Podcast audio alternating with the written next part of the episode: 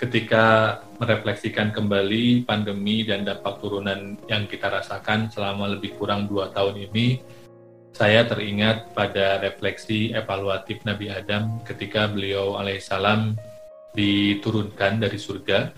Menurut sebagian redaksi dalam tanda kutip diusir dari surga.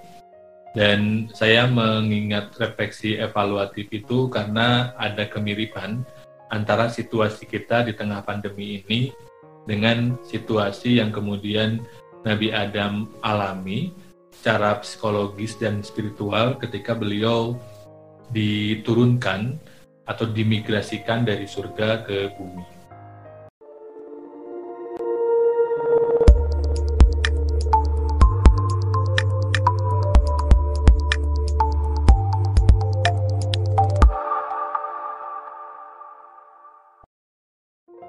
Assalamualaikum warahmatullahi wabarakatuh. Sebagaimana kita tahu, Nabi Adam dimigrasikan ke muka bumi setelah terjadi peristiwa yang melibatkan Siti Hawa, melibatkan buah huldi, dan melibatkan iblis. Sehingga kemudian sebagian narasinya adalah bahwa Nabi Adam melakukan dosa, melakukan kesalahan yang Nabi Adam butuh untuk menebus kesalahan itu sehingga dihukum oleh Allah diusir dalam tanda kutip dari surga. Secara pribadi, saya meyakini narasi tersebut sebagai bahwa pada akhirnya terlepas dari terjadi atau tidak terjadinya um, peristiwa buah buldi tadi, Nabi Adam pada akhirnya memang akan dimigrasikan ke muka bumi. Tetapi kod kodarullah, kodenya Allah kemudian menetapkan bahwa terjadi peristiwa buah buldi tadi. Singkat cerita, ketika Nabi Adam diturunkan ke muka bumi, Nabi Adam demikian menyesal sehingga kemudian Nabi Adam bertaubat kepada Allah yang doanya hari ini kita kenal betul. Rabbana zolamna anfusana wa illam taghfir lana wa tarhamna lanakunanna minal khosirin.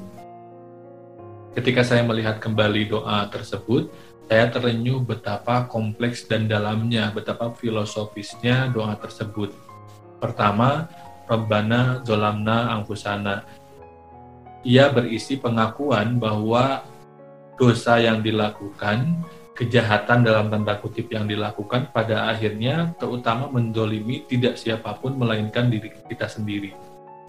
Kesalahan kita pada akhirnya merugikan terutama bagi diri kita sendiri. Nabi Adam memulai pertobatannya dengan mengakui bahwa ada aspek kesalahan yang aspek kesalahan itu telah mem, telah dan merupakan uh, perilaku diskriminatif, perilaku zolim terhadap dirinya sendiri.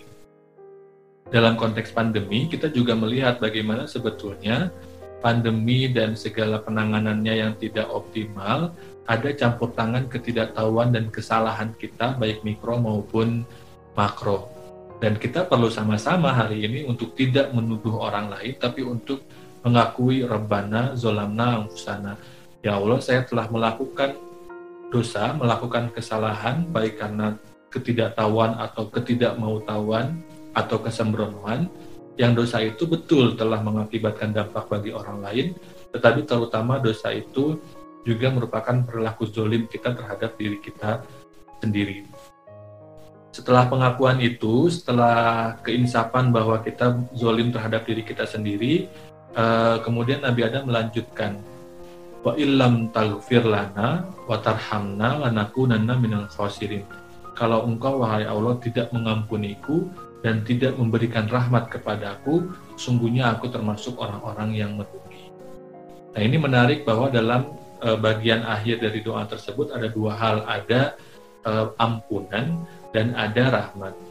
Ampunan dia berbicara pada um, apa ya, pada ampunan terhadap dosa yang dilakukan, sedangkan rahmat dia berbicara soal kasih sayang Allah untuk menolong kita dari dampak turunan akibat dari kesalahan kita.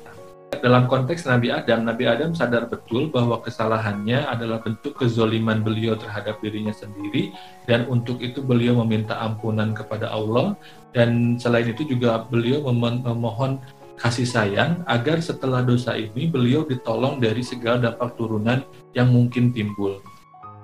Kita tahu bahwa dosa kita yang kita lakukan sekarang bisa jadi berdampak pada dosa-dosa lain di masa depan atau berdampak buruk pada kehidupan orang lain. Sehingga kita sadar betul bahwa kita sendiri tidak bisa mengandalkan semua kemampuan kita untuk memperbaiki seluruh kesalahan, untuk menolong semua orang yang mungkin terdampak karena kesalahan kita. Kita butuh kasih sayangnya. Sehingga kemudian setelah kita meminta ampunan kepada Allah, kita juga memohon kasih sayangnya untuk memandu kita, untuk merangkul kita dari dampak-dampak turunan yang mungkin timbul setelah kejahatan atau kesalahan yang kita lakukan sebelumnya. Nah, inilah kemudian kenapa saya mengingat refleksi evaluatif Nabi Adam ketika mengingat pandemi, karena kita sadar betul bahwa apa kesalahan yang kita lakukan itu tidak hanya zolim kepada diri sendiri, tapi juga kepada orang lain yang mungkin akan mendampakkan dampak turunan yang banyak dan kompleks dan besar, yang mungkin tidak bisa kita selesaikan sendirian, dan kita butuh kasih sayang Allah. Eh, dan kasih sayang Allah ini tidak akan diturunkan kalau kita mula-mula tidak meminta maaf dan memohon ampunan atas kesalahan kita. Demikian, wallahu Wassalamualaikum warahmatullahi wabarakatuh.